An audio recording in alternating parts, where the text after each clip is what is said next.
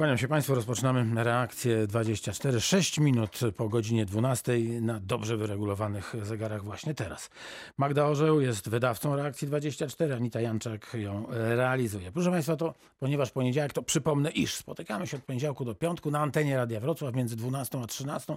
Staramy się e, Państwu pomagać jak tylko umiemy. Wspólnie staramy się załatwiać te sprawy, które Państwa najbardziej zajmują.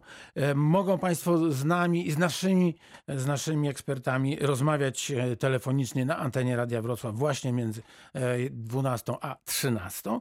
Natomiast jeśli w innym czasie, w innym dniu, na przykład w sobotę czy w niedzielę, zechcą Państwo się z nami podzielić albo tymi e, dobrymi wiadomościami, albo tym, co Państwa uwiera, to bardzo proszę to robić. Przypomnę numer telefonu 71 391 00 00. Jeśli to są sprawy takie bieżące, aktualne, to natychmiast nasze reporterki, nasi reporterzy razem z Państwem starają się rzecz wyjaśnić, załatwić, a jeśli e, to są rzeczy o charakterze bardziej ogólnym, no to wtedy zbieramy je, tak jak już Państwo dobrze wiedzą, e, do odpowiednich przegródek, zapraszamy e, naszych ekspertów, no i wtedy poświęcamy reakcję 24 właśnie tym sprawom, które Państwo zgłaszają. Raz jeszcze przypomnę numer telefonu 71 391 00 00. Mogą Państwo też pisać. Reakcja 24 to jest adres mailowy małpka radiowroclaw.pl.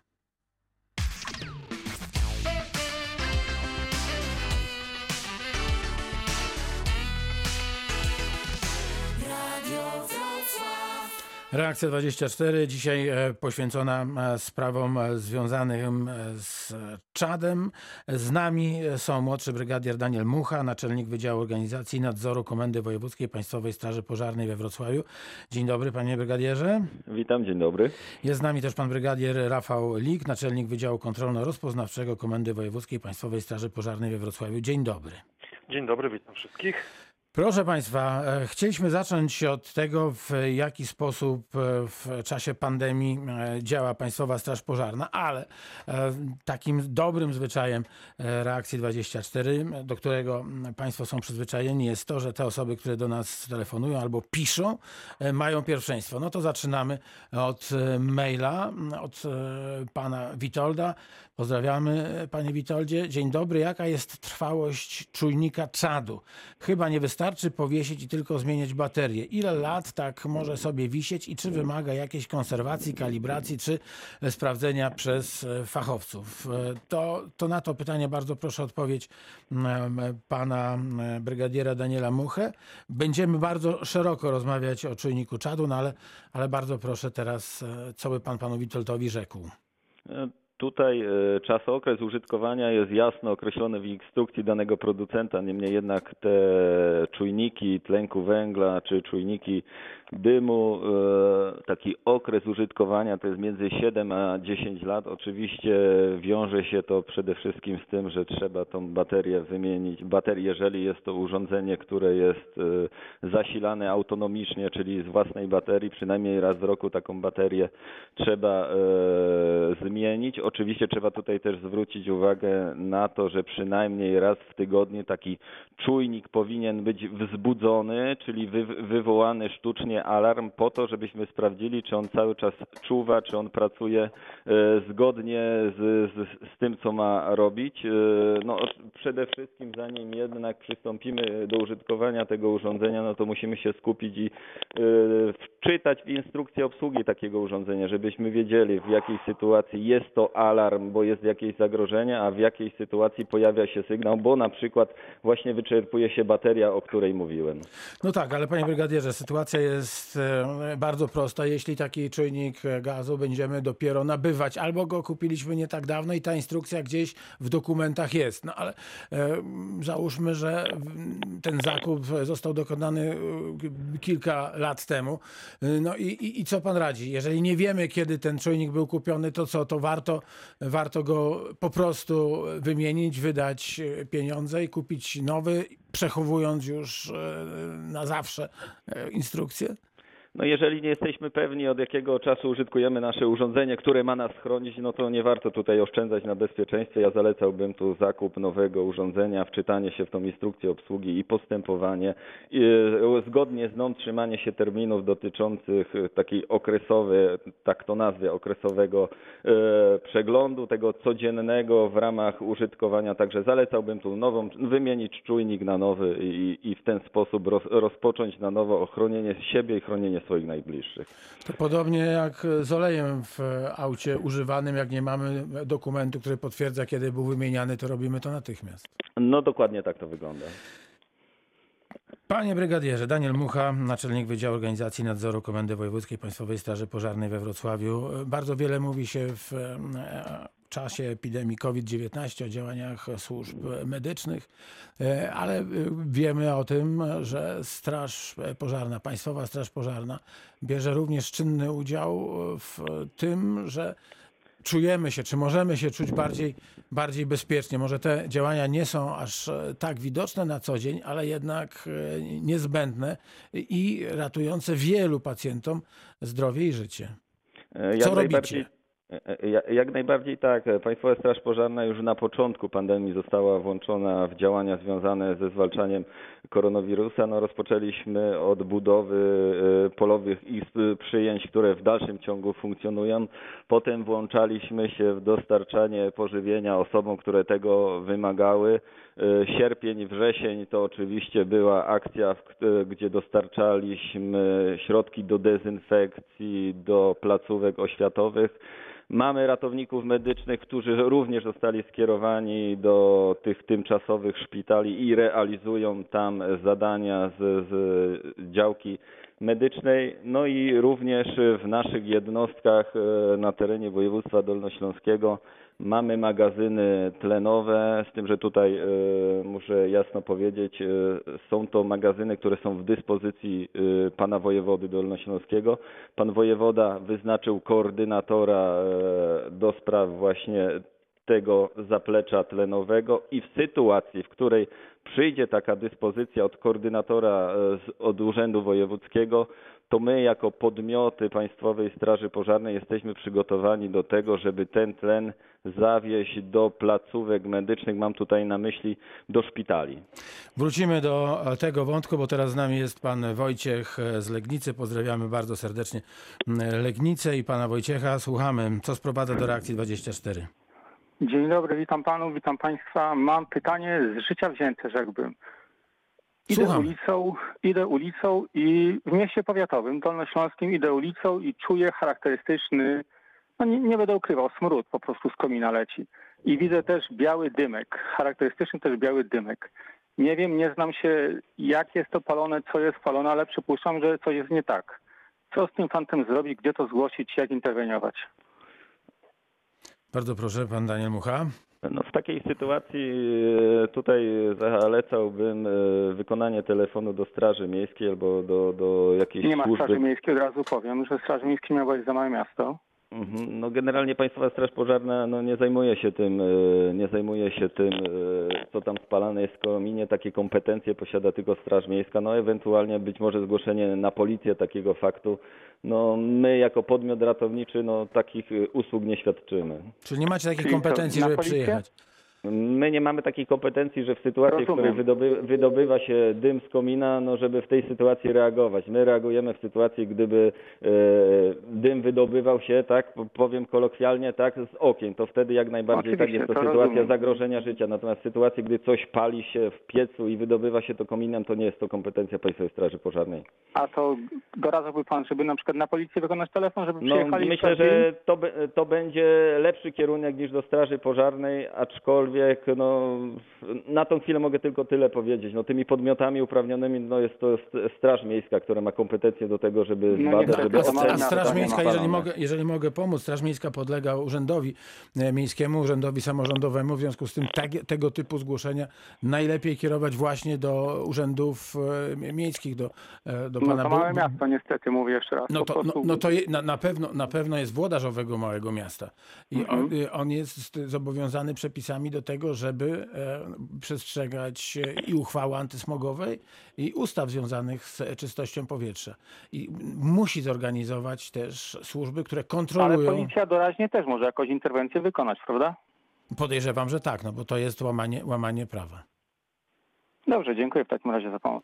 Do usłyszenia, miłego dnia życzę. Dziękuję bardzo. To bardzo bym chciał jeszcze raz, panie brygadierze, żeby pan powiedział, e, dlaczego Państwowa Straż e, Pożarna właśnie w takich sytuacjach, kiedy nie ma zagrożenia życia, no, nie interweniuje, bo rzeczywiście najprostsza sprawa, tak? No dym, e, śmierdzi, komin, no to kto? No to Straż Pożarna. Mhm. Bo jak się Znaczy, dymi, to tam gdzieś się pali. No tak, ale to, ba- to pali się w piecu i to, jeżeli jest wszystko wykonywane zgo- zgodnie ze sztuką, tak to nazwę, no to nie stwarza to dodatkowego zagrożenia. Oczywiście jest to zagrożenie dla środowiska ze względu na szkodliwe substancje, ze względu na to, co jest spalone i wydobywa się z tego komina. Niemniej jednak no jest, nie mieści się to w kompetencjach Państwowej Straży Pożarnej, bo w tym momencie, jeżeli coś spala się w piecu, czyli w miejscu do tego przeznaczonym, no to nie jest to zagrożenie dla zdrowia i życia domowników, mieszkańców czy osób będących w tym pomieszczeniu.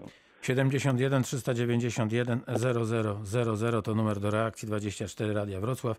E, przypomnę, że Państwa gośćmi są e, pan brygadier Daniel Mucha, naczelnik Wydziału Organizacji Nadzoru Komendy Wojewódzkiej Państwowej Straży Pożarnej we Wrocławiu i pan brygadier Rafał Lik, naczelnik Wydziału Kontrolno-Rozpoznawczego Komendy Wojewódzkiej Państwowej Straży Pożarnej. Więc jeśli mają Państwo jakieś e, pytania dotyczące kontroli przeprowadzanej przez Państwową Straż Pożarną, bardzo proszę, jest pan naczelnik do Państwa dyspozycji. Wszelkie inne pytania do e, drugiego pana naczelnika. Mówię drugiego w kolejności wymieniania. E, To teraz wracamy, wracamy do spraw e, związanych z dostawą tlenu. No właśnie pan wojewoda mówił o tym, że e, to w sytuacji, kiedy brakuje, kiedy jest taki interwencyjny, e, interwencyjny dowóz e, tlenu, to robi to e, Straż Pożarna, robi to niezwykle sprawnie, e, no, a w efekcie e, te osoby, które bez tlenu nie dałyby sobie rady, e, no dobrze powiem to, o, o czym pomyślałem, przeżywają. E, No tak to wygląda. No, jesteśmy przygotowani do tego, żeby taką pomoc e, świadczyć. Mamy do tego przystosowane 10 samochodów, które w razie potrzeby jesteśmy w stanie skierować w to miejsce, w którego przyjdzie dyspozycja. Oczywiście wygląda to też tak, że jeżeli szpital jest sam w sobie w stanie zapewnić ten transport, no to on zgłasza się do nas, odbiera sobie te butle, ale w sytuacji, w której, w której nasza pomoc jest potrzebna z przetransportowaniem, to jak najbardziej Straż Pożarna takim zadaniem się również zajmuje. A Muszę o to zapytać, e, czy w takim razie e, te statutowe działania Państwowej Straży Pożarnej nie są zagrożone, bo mówił Pan o tym, że część ratowników medycznych, którzy zwykle są e, do dyspozycji oficera dyżurnego, no, jest skierowanych do pracy przy chorych na COVID. 10 samochodów na wszelki wypadek stoi i czeka, gdyby trzeba było dowieść tlen. Możemy się czuć bezpieczni? E, Jak najbardziej tak. Nasze zasoby ratownicze, i mam tutaj na myśli zarówno strażaków, jak i pojazdy, którymi się przemieszczamy, w pełni pozwalają na to, żebyśmy na kilku frontach mogli równocześnie działać. Pamiętajmy o tym, że w naszym kraju funkcjonuje coś takiego jak Krajowy System Ratowniczo-Gaśniczy, zrzeszający strażaków Państwowej Straży Pożarnej, ochotniczych Straży Pożarnej, ale również inne podmioty, które chcą z nami współpracować i dzięki temu jesteśmy w stanie w taki sposób funkcjonować, jak funkcjonujemy od początku pandemii. No właśnie, czy e, druhowie ochotniczych Straży Pożarnych także e, pomagają, e, są chętni do tego, żeby w sytuacjach e, tych tak zwanych podbramkowych e, nieść pomoc nie tylko przy, przy tych akcjach e, ratowniczo-gaśniczych? Oczywiście tutaj druhowie są bardzo zaangażowani i dziękujemy im za, na, za to, że nas wspierają na wielu frontach. Od początku pandemii oni również uczestniczą w tych działaniach związanych ze zwalczaniem koronawirusa. W większości przypadków na nich spoczywał ten, to zadanie, żeby dostarczać to pożywienie czy środki, y, do pi- y, napoje do picia osobom, które gdzieś tam zostały skierowane na kwarantannę, nie mogły się przemieszczać. To wiele działań związanych z, y, z tym, że y, ochotnicy zostali skierowani również do innych zadań. Mam tu zadania związane z, dezyn- na myśli zadania związane z dezynfekcją, na przykład przystanków, e, pomieszczeń, które gdzieś, gdzie, w których było takie zapotrzebowanie, także e, ochotnicy są i będą angażowani, tak samo jak strażacy Państwowej Straży Pożarnej i dziękuję im za to. No właśnie, mówił pan e, w czasie przeszłym, no ale przecież ta pandemia trwa rzeczywiście. Dzisiaj tych chorych przybyło nieco, nieco mniej, albo nawet bardzo zmniejszyła się liczba chorych, no ale ta, ta, ten wirus jest e, z nami. W związku z tym te potrzeby pewnie e, są jednak e, ogromne, biorąc pod uwagę e, liczbę chorych i tych, którzy są na kwarantannie. E, Wrócimy do tego, dobrze, wątku, bo teraz jest pan Ryszard z Wrocławia. Witamy na antenie Radia Wrocław Dzień reakcji dobry. 24. Chciałem opowiedzieć takie dziwne zdarzenie ze strażą, jak już tam jest dwóch panów, a mianowicie na Bielanach mama ma działkę i zalęgły się rój os. No to zadzwoniłem na 112 i zgłosiłem, no pani ze numeru alarmowego mówi, że czy jest zagrożenie, to wtedy strażacy przyjadą. Ja się pytam kiedy. No jak są osoby starsze, mama po 80, ja po 60. Mówię, jakby coś zostawiłem telefon, jak nie przyjadą, no to y, żeby do mnie zadzwonili, to ja inaczej to tam spróbuję coś innego załatwić. No za 15 minut gdzieś tam słyszę sygnał, no nie, dzwoni do mnie strażacy, mówią, że są pod bramą. Ja mówię, no to wiecie, nie, bo wozem bojowym przyjechali. No to nic, wychodzę, idę po nich. Przy trzech młodych strażaków idzie, przyszli na działkę, nawet nie zajrzeli na strych do tych tych, owinęli działkę taśmą, kwitek mi wystawili, że mam to załatwić we własnym zakresie i odjechali. Jakby można to było na, wozem bojowym, gdzieś z centrum Wrocławia Niezborowskiej, na Bielany, trzech pan, a jakby się w tym czasie coś wydarzyło? Przecież mogli odzwonić do mnie, że nie przyjadą, żebym załatwiał we własnym zakresie. Przyjechali po to w trójkę, żeby taśmy owinąć w koło działki. Nawet nie zajrzeli do tego roju os. Gdzie ileś lat temu były szerszenie, to przyjechali i zlikwidowali, wytruli, zlikwidowali, tak samo jak na cmentarzu. strażacy, tak? Tak, Wtedy te- strażacy, strażacy. To się było sobie w poradzili sierpniu, panowie. to było w sierpniu. I na numer 112, tak? O ile dobrze Tak. usłyszałem, tak? Tak, dzwoniłem na numer 112. Tam się pytali, czy jest zagrożenie. Ja się zapytałem, a kiedy jest? No jeżeli są osoby starsze, powyżej 60 lat. No to, to zagrożenie było, bo mama 85, a powyżej 60.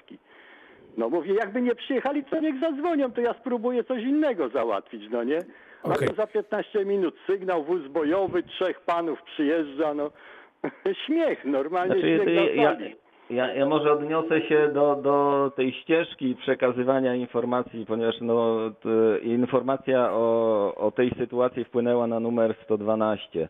Z numeru 112 została, wy, tak sądzę, tak, no, te, teraz domyślam się, że tak to wyglądało, że została, skierowa, została skierowana dyspozycja do jednostki Straży Pożarnej, no i na podstawie tej dyspozycji jednostka, czyli samochód, zastęp wyjechał do zdarzenia, pojawił się na miejscu, ocenił sytuację i podjął czynności, a tutaj ocena tego, jakie działania są w danym momencie realizowane, to jest subiektywna ocena kierującego działaniami ratowniczymi. I jest to zgodne z naszymi procedurami, bo jeżeli kierujący e, będąc na miejscu stwierdzi, że nie ma zagrożenia bezpośredniego, to może takie czynności podjąć, zobligować właściciela e, takiego terenu, mam tu na myśli tej działki, do tego, żeby we własnym zakresie usunął, usunął e, no to gniazdo, gniazdo os.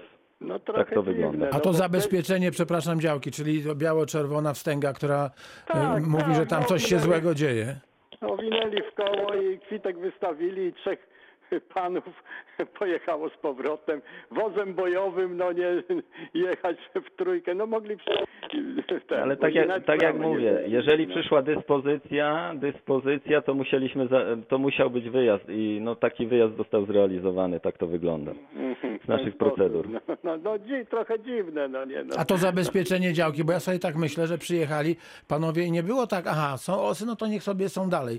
Jednak ta działka została w jakiś sposób oznaczona, czyli ja idąc sobie obok tej działki bym pomyślał, oho, no jeżeli tutaj wisi taka e, szarfa, e, taka taśma, e, no to, no to nie wchodzę, bo Panie może mi, się, Marku, może mi się coś stać. Stoi, altanka stoi na środku działki. Działka jest Ale wie pan, jak to w życiu. zamknięta. Ja nie jestem jakiś ułomek. Ale to nie mówię o panu, a- Żeby zostawiać to bez y, tego. Tak wezwałem prywatnie. Przyjechał pan, wytruł mi ten, zlikwidował i tyle. No. A to, no mówię, na cmentarzu, wrócę jeszcze, na cmentarzu, tu na Skowronie Górze Przyborowskiej było gniazdo os, było w, przy, w grobie. Jadąc na cmentarz, zajechałem na Borowską do straży, zadzwoniłem domofonem do oficera, zgłosiłem, po, powiedział, że to nie zarządca cmentarza powinien. No nic, przyszedłem na ten cmentarz, to osy latają, ja zadzwoniłem na 112 i w, strażacy przyjechali i wytruli. No, tak samo wcześniej były szerszenie na działce i też przyjechali i wytruli. A to, to zależy od tego dowodzącego, no nie? Tak jak mówię, tutaj e, subiektywna ocena kierującego No, działaniami no, na no. miejscu, jeżeli zdecydował, że tutaj nie ma realnego zagrożenia w tym momencie, to wykonał te czynności i wykonał je prawidłowo, bo na to pozwala procedura. Przekazał panu informację, że trzeba to zlikwidować we własnym zakresie, Ale ja o tym wiedziałem. wykonał swoje zadanie. Ja o tym wiedziałem, że to trzeba. Rozmawiając z numerem alarmowym, byłem uprzedzony. Jeżeli jest zagrożenie, to przyjadą i zlikwidują. Jeżeli nie ma, no to nie, no to po co mają przyjeżdżać? Ja byłem świadomy, no dla mnie to troszkę dziwne było.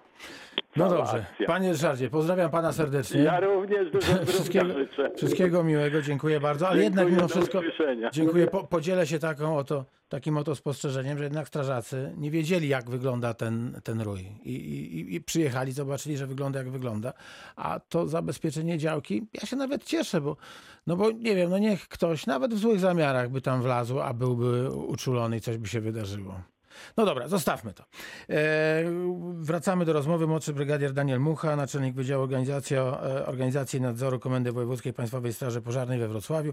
E, opowiadał Pan o tych działaniach covidowych w czasie przeszłym. Czy e, z tego rozumiem, że oprócz dostarczania tlenu, to już teraz e, strażacy nie zajmują się pomocą tym osobom, którym trzeba dowieść jedzenie, czy, czy, czy wodę, czy, czy nie wiem, no, sp- spróbować coś naprawić w tych tymczasowych szpitalach? Nie, nie, to w dalszym ciągu wygląda tak samo i do, do momentu, dopóki nie, nie e, będzie ta pandemia trwała, na pewno strażacy będą włącz, są włączeni i będą włączani w dalszym ciągu w te działania związane z COVID-em. Tak jak powiedziałem, tutaj największe obciążenie, jeżeli chodzi o dostarczanie pożywienia i napojów tutaj e, na barkach ochotniczych straży pożarnych. E, Natomiast idąc dalej, tak kolejne szpitale otwierają się tymczasowe i tutaj kolejne zasoby z, ze strażaków na pewno będą angażowane do tego, żeby w tych szpitalach tymczasowych również e, pracować i pomagać przy chorych.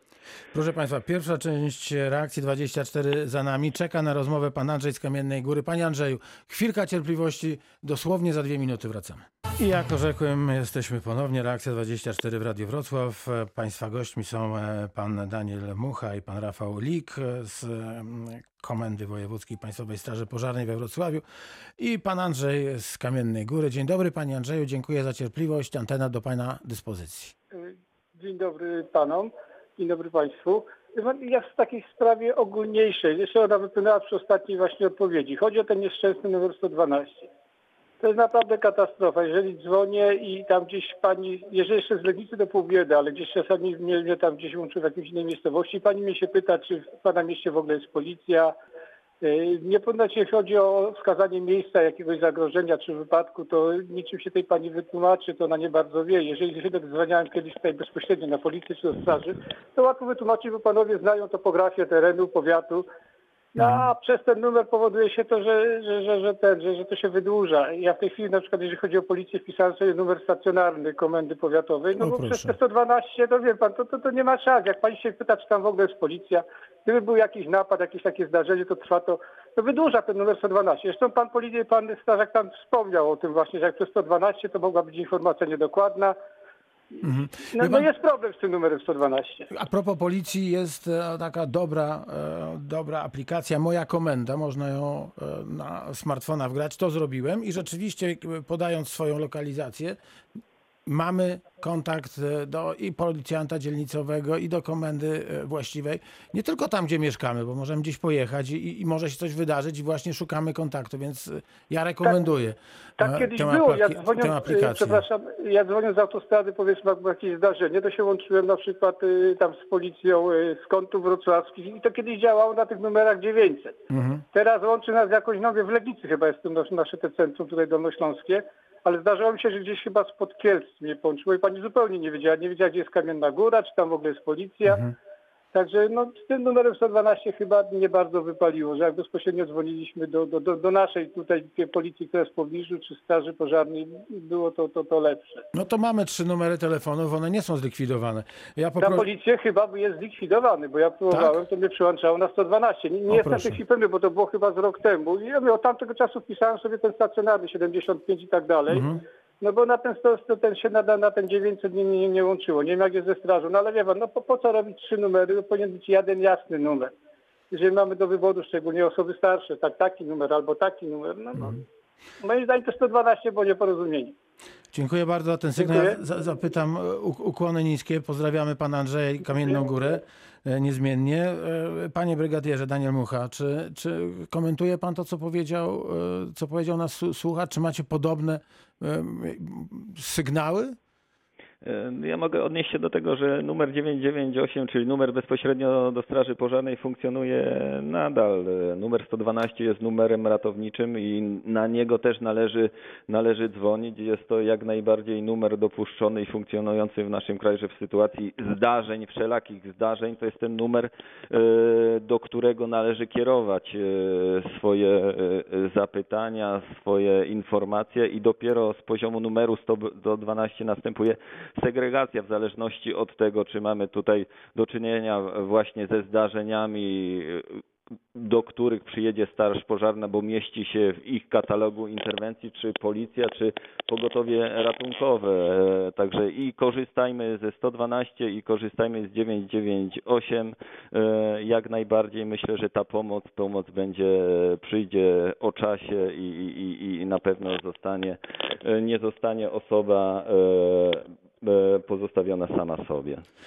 Brygadier Daniel Mucha, naczelnik Wydziału Organizacji i Nadzoru Komendy Wojewódzkiej Państwowej Straży Pożarnej we Wrocławiu i brygadier Rafał Lik, naczelnik Wydziału Kontrolno-Rozpoznawczego jeszcze Komendy? Wojewódzkiej Państwowej Straży Pożarnej we Wrocławiu. To są goście Reakcji 24, właśnie pan brygadier e, Rafał Lik się odezwał. Słuchamy pan, oczywiście, bym że można, jasne. Też uzupełnić wypowiedź kolegi, bo mianowicie nie zapomnijmy, że numer 112 był zrobiony po to, żeby skonsolidować służby i żeby dyspozytor mógł jakby podjąć decyzję. Często y, te telefony nie są takie jednoznacznie, jaką pomoc obywatel potrzebuje i tutaj musi y, ten dyspozytor jakby podjąć decyzję, do której służby przekazać informację. Także to nie zawsze jest pożar czy wypadek, tylko jakieś y, zdarzenie, zaginięcie dziecka albo jakieś tam inne, takie sytuacje losowe. To Kiedy uruchamiane są Tak, służby dokładnie, różne.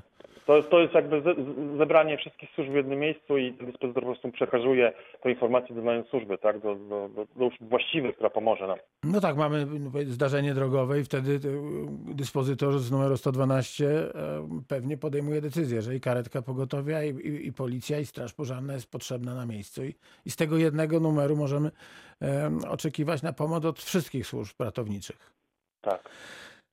Bardzo dziękuję za to dopowiedzenie. Proszę Państwa, omawialiśmy się, by- że dzisiaj porozmawiamy o czadzie i e, to już czas najwyższy, żeby do, no, tę rozmowę rozpocząć albo kontynuować, bo e, pierwsze pytanie, jakie napłynęło, to od Pana Witolda e, na temat e, sprawdzania e, czujników czadu.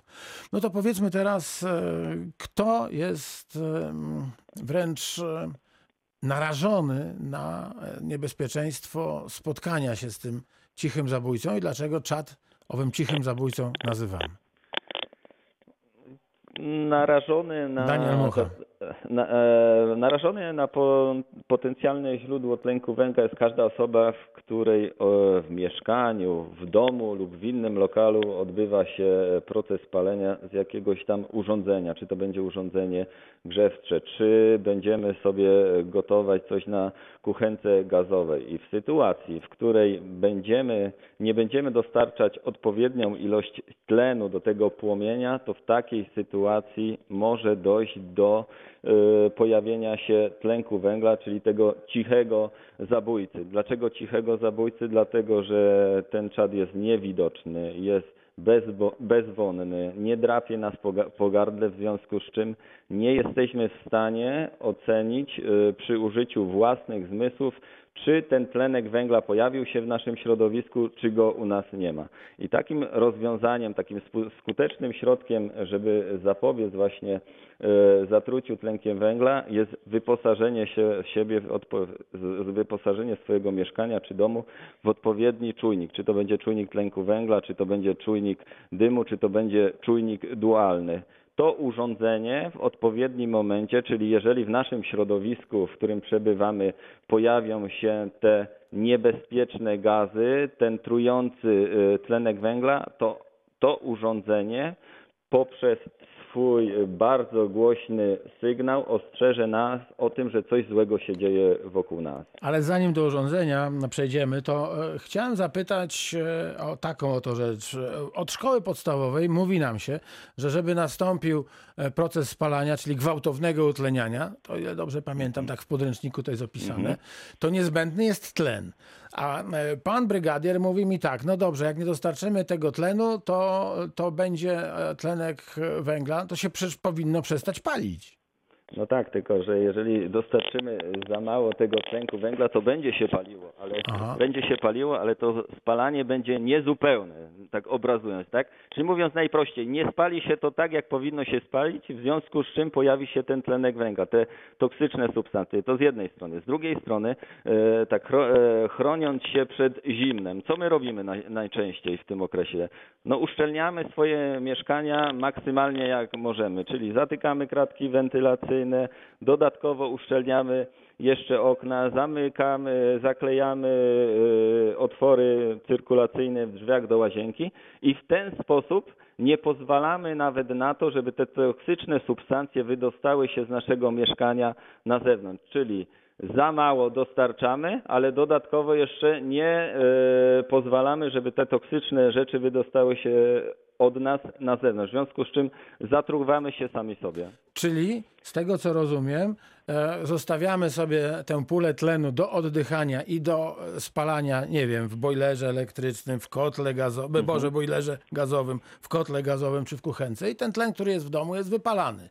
Jest Tak. wypalany i w momencie, w powietrze którym... z zewnątrz nie wchodzi, no bo Nie czy wchodzi, bo wchodzi jest- minimalnie, bo wszystko jest pozamykane. Dokładnie tak. Za bardzo uszczelniliśmy Mhm. sobie mieszkanie, w związku z czym tlenu zaczyna brakować. E, Ten tlen jest wypalany przez ogień, tak, jeżeli gotujemy sobie na kuchence gazowej, no i jeżeli jest go za mała ilość, żeby to spalanie właściwie przebiegało, no to zaczyna pojawiać nam się właśnie, właśnie tlenek węgla. Czyli tak, gaz, e, gaz nie zgaśnie, będzie się dalej palił, może trochę słabiej, natomiast wydostawać się Mhm. nas będzie tlenek węgla. Dobra. Dokładnie tak, będzie się pojawiał tlenek węgla, dlatego tutaj elementarnym błędem jest to, że nie dostarczamy świeżego powietrza, tak, a tak właściwie tej, tego, tej porcji tlenu do, do tego spalania, żeby ono przebiegało w sposób odpowiedni, właściwy. Na chwilkę przerywamy naszą rozmowę, bo do niej włącza się pan Wiesław z Lwówka Śląskiego. Pozdrawiamy Lwówek, pozdrawiamy pana Wiesława.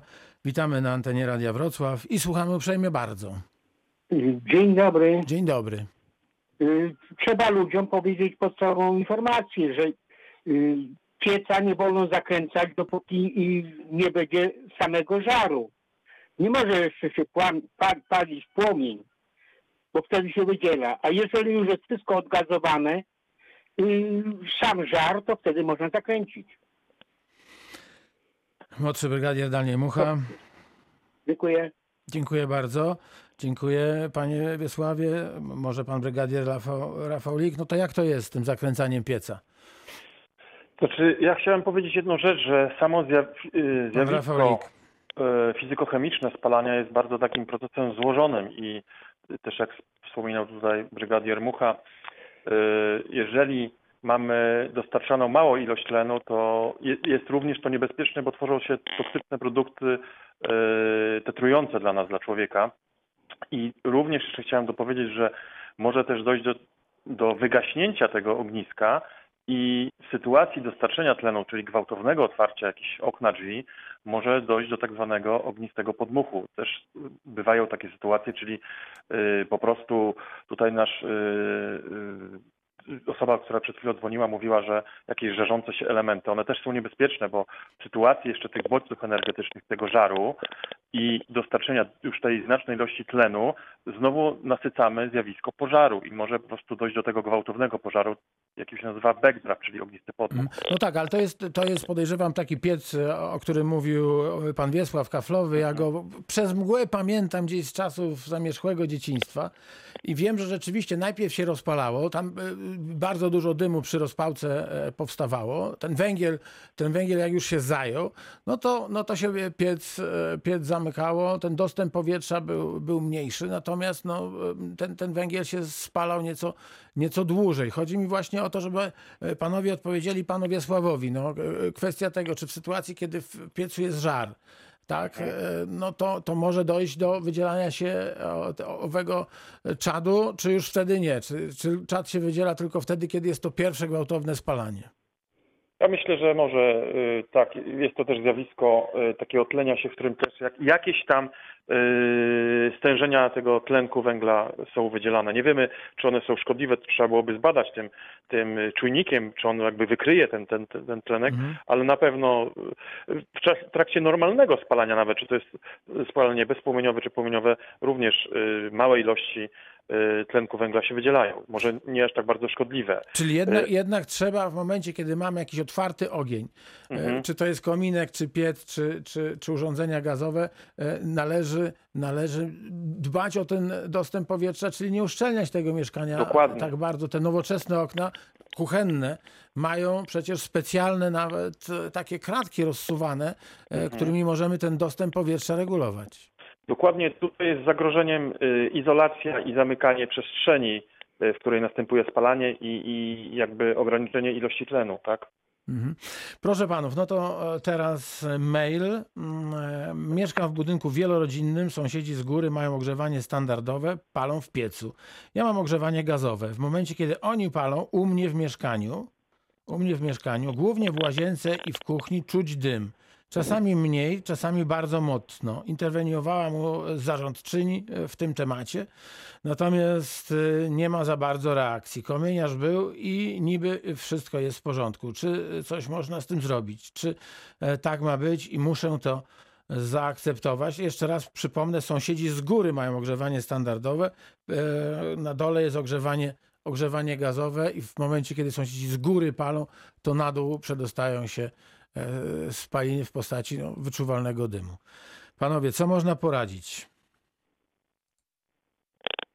Hmm, Znaczy, jeśli można, bardzo E, proszę, pan jeżeli y, ta pani wyczuwa jakieś stężenia dymu i czuje się zagrożona, to jak najbardziej należałoby wezwać jakby jednostkę ochrony przeciwpożarowej, która przyjedzie z odpowiednim detektorem już specjalistycznym i sprawdzi mieszkanie, sprawdzi, czy występuje tam jakieś zagrożenie. Także jest to jak najbardziej wskazana to interwencja.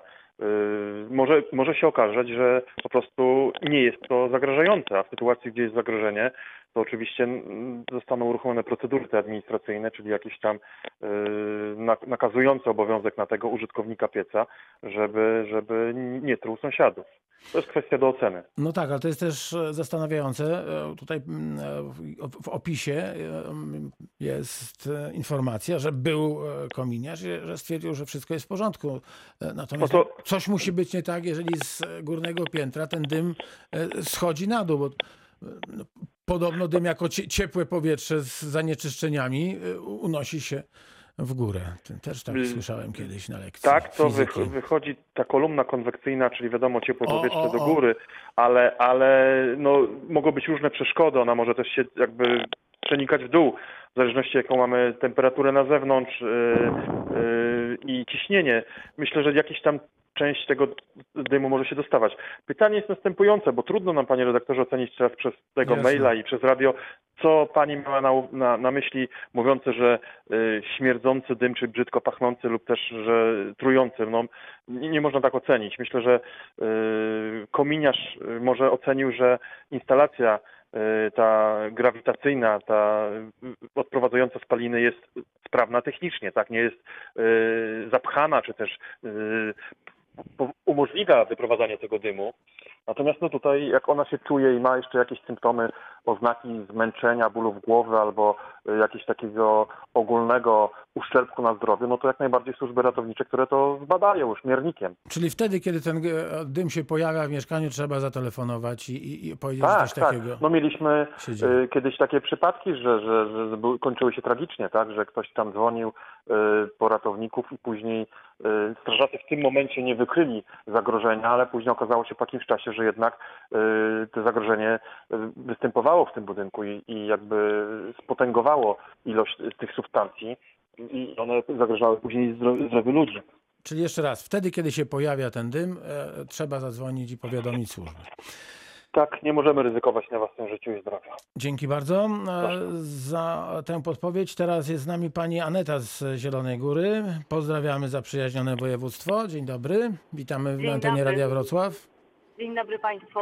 E, Chciałam podpytać e, o biopaliwa i biokominki. Teraz są dosyć mocne te formy e, palenia w domach. Ja sama mam trzy biokominki i e, często jak gdzieś tam się pali dosyć długo, dużo, to rzeczywiście takie są gazy dosyć nieprzyjemne. Czy one też potrafią być trujące dla nas? Młodszy Dziękuję. brygadier Daniel Mucha. No tutaj jest sprawa dotycząca biokominków jest, nieco inaczej wygląda niż w tradycyjnym komiku ze względu na to, że to drewno, czyli materiał stały mamy tutaj, materiał palny stały mamy, za, mamy zamieniony i tutaj spalany jest najczęściej e, alkohol w postaci etanolu. I tutaj ze względu na to, że w przypadku prawidłowego spalania się e, no, nie wydobywa się tutaj dym, e, pojawia się tylko para wodna i wodór, więc jeżeli mamy normalnie grawitację prawidłowo funkcjonującą w naszym domu, to te biokombinki są jak najbardziej bezpieczne, dlatego też nie jest wymagane e, przyłącze do komina, który odprowadza te spaliny. Także jeżeli nasza wentylacja e, pracuje właściwie, mówię tutaj o wentylacji grawitacyjnej w naszym domu i jeżeli e, użytkujemy zgodnie z przeznaczeniem, to te biokominki są jak najbardziej bezpieczne. Czyli znowu sprawa e, wpuszczania tego chłodniejszego powietrza, No które jest nie niezbędne. uszczelniania domu, tak, Mhm. nie, nie uszczelniania domu. To jeszcze raz z nami jest pan Wiesław e, z Lwówka Śląskiego. Panie Wiesławie, Y, Jeszcze raz dzień dobry. jeszcze raz się kłaniam. No i jeżeli chodzi o tę po, poprzednią y, wiadomość, y, że tam się ten dym dostaje, to z tego wynika, że y, podłączenia są złe. Po prostu y, podłączył się y, z, z wentylacją do komina. No t- rzeczywiście, tak jak y, mówił pan brygadier Rafał Lik, no trudno nam po, po mailu, e, Ale to, raczej fachowcom po mailu jeszcze stwierdzić. uwaga, że po prostu y, ta pustowość komina jest y, za, za mała i wtedy to się cofa w dół. Po prostu szuka ujścia. Dziękuję bardzo. To jest całkiem logiczne. Dzięk, dziękuję bardzo za, za, za, Dziękuję. za tę wypowiedź. Pozdrowienia ciepłe. Ja mogę dopowiedzieć coś do biokominków jeszcze? Tak, bardzo proszę. Brygadier Bo. Brygadier Mucha mówi tutaj, y, nawiązując cały czas do y, tematu przewodniego, czyli do, do tego czadu, tlenku węgla, jeszcze bym tutaj y, zwrócił uwagę o zachowanie bezpieczeństwa użytkowania takich biokominków, bo również nieostrożne użytkowanie może doprowadzić do tragedii. Możemy się poparzyć, możemy nawet spowodować jakiś pożar, tak? Jeżeli nam się będziemy dolewali już do płonącego, załóżmy, kominka, No tak. ten materiał palny, tą ciecz. To, to jest bardzo niebezpieczne i tutaj bym przestrzegał nad zachowaniem takiego y, bezpieczeństwa. Pan Karol z Wrocławia teraz w reakcji 24 Radia Wrocław. Słuchamy uprzejmie. Dzień dobry, panie Karolu. Dzień dobry, witam. E, Mam pytanie. Mam w bloku wielorodzinnym w garażu podziemnym system oddymiania i mamy sytuację taką, że na części stanowisk e, w tym garażu sąsiedzi składują rzeczy nie takie jak przewidziane są przepisami, czyli nie samochody, a śmieci, opony i różne inne rzeczy. I teraz sytuacja wygląda w ten sposób, że wiadomo, że jak system będzie musiał zadziałać, to będzie pewnie niesprawny tak jak powinien. I pytanie, jak formalnie wyegzekwować od sąsiadów e, to, aby usunęli te rzeczy, te śmieci i te opony, które tam składują w tych, w tych miejscach. No to pewnie brygadier Rafał Lik, który jest szefem Wydziału Kontrolno-Rozpoznawczego Komendy Wojewódzkiej Państwowej Straży Pożarnej we Wrocławiu odpowie. Ja myślę, że pierwszym krokiem, który pan powinien podjąć, to e, przesłać takie zawiadomienie czy informację do zarządcy obiektu, do władającego obiektem, yy, informującą go, że występuje, że takie miejsce występuje w budynku, że to jest e, jakieś e, składowisko materiałów e, palnych, które mogą spowodować jakieś tam zagrożenie w czasie pożaru. I to e, jakby władający obiektem, pewnie zarządca, jakaś wspólnota mieszkaniowa e, albo, albo, e, albo inny podmiot, on po prostu nadzoruje stan bezpieczeństwa pożarowego w budynku i powinien to doprowadzić do usunięcia. Natomiast w sytuacji, gdy y, ten podmiot nie będzie y, w odpowiedni sposób nie zadziała, no to trzeba po prostu wezwać y, Państwową Straż Pożarną na kontrolę, żeby dała decyzję administracyjną albo mandat dla osoby, która tam A stoi. kto może wezwać strażaków? Każdy. Rozumiem. A jeszcze, jeszcze jedno pytanie chciałbym zadać. Znaczy każdy w sensie, że wysyła się pismo do straży oficjalne czy maila i, i są podejmowane Czyli, czyli, działania. czyli pan Karol może, może Jak się do was zgłosić. Ale najpierw myślę, żeby trzeba byłoby zarządcę obiektu y, poinformować, żeby on zadziałał w ramach pełnionej tej swojej funkcji, tak? Rozumiem. Y, Opiekowania się budynkiem. No niestety zarządca tutaj nie, ze swojej strony jest powiadomiony, natomiast nie wykonuje żadnych e, działań w tym kierunku, ponieważ twierdzi, że nie ma żadnych umocowań prawnych, które mogłyby zmobilizować tych wszystkich mieszkańców do tego, aby mogli usunąć te, te rzeczy. Znaczy umocowania na pewno są i też jest regulamin y, wspólnotowy. Y, ja go nie znam, bo każdy może mieć inny, ale myślę, że jakieś są tam możliwości. Natomiast w sytuacji, gdy ten y, zarządca się poddaje i mówi, że nie może nic więcej zrobić, no to Państwowa Straż Pożarna przyjdzie na kontrolę, z tym, że najgorzej może być y, też dla tego zarządcy, bo on może odpowiadać za stan bezpieczeństwa i może dostać załóżmy, nie wiem, mandat albo decyzja na niego może być nałożona, że nie dopilnował czegoś, No właśnie, a, ma, że, do, że dopuścił do takiego występowania. a mandat jest nakładany na zarządcę, czy personalnie na każdego Za- właściciela miejsca stanowiskowego, który jest zaśmiecony jakimiś tam rzeczami, które nie powinny się tam znajdować? Teraz mi jest trudno to powiedzieć, bo to wszystko jest w umowach cywilnoprawnych, czyli w zależności co zostało powierzone do zarządu, yy, do zarządcy nieruchomości, od, przed czym on odpowiada. Proszę. To jest kwestia po prostu Dziękuję umowy. bardzo. Dziękujemy bardzo. Proszę Państwa, to, to za chwileczkę na antenie dziękuję bardzo e, Pan Jan. E, Natomiast my e, sprawy pożarowe na razie kończymy. Będziemy do nich wracać, bo jak Państwo słyszą, ogromne zainteresowanie temu towarzyszy. Młodszy brygadier Daniel Mucha, naczelnik Wydziału Organizacji i Nadzoru Komendy Wojewódzkiej Państwowej Straży Pożarnej we Wrocławiu. Dziękuję bardzo. Dziękuję. Brygadier Rafał Lik, naczelnik Wydziału Kontrolno-Rozpoznawczego Komendy Wojewódzkiej Państwowej Straży Pożarnej we Wrocławiu. Dziękuję bardzo. Dziękuję bardzo, życzę wszystkim zdrowia. Nawzajem wszystkiego dobrego i dziękujemy bardzo na panu w ręce strażakom za pomoc w walce z e, pandemią COVID-19, no i za tą codzienną służbę, która powoduje, że czujemy się bezpieczniej. Naprawdę dzięki, dzięki serdeczne. E, Chwila teraz dla pana Jana ze Środy Śląskiej. E, Dzień dobry panie Janie. A dzień Rozmawialiśmy... dobry panie redaktorze. Jest pan już zaszczepiony? Tak, zaszczepiony. Chciałem właśnie podziękować Radiu Wrocław za pośrednictwo. Yy, Także pani Aleksandrze, która mi udostępniła nawet dwie szczepionki. Jedną przekazałem dalej dla tego, kto chciał. No i ja jestem zaszczepiony i psychicznie czuję się dobrze. Bardzo się cieszę. Dużo zdrowia. Oby pana, bo o szczepionce przeciw grypie mówimy, oby pana e, oraz tak. Ta, ta, ta nie szczepionka nie chroniła dobrze. Wydaje mi się, że na covid już nie będziemy załatwiać przez Radio Wrocław. Miejmy taką nadzieję. Wszystkiego dobrego. Bardzo dziękuję. Kończymy dziękuję reakcję bardzo. 24. Pozdrowienia dla Państwa.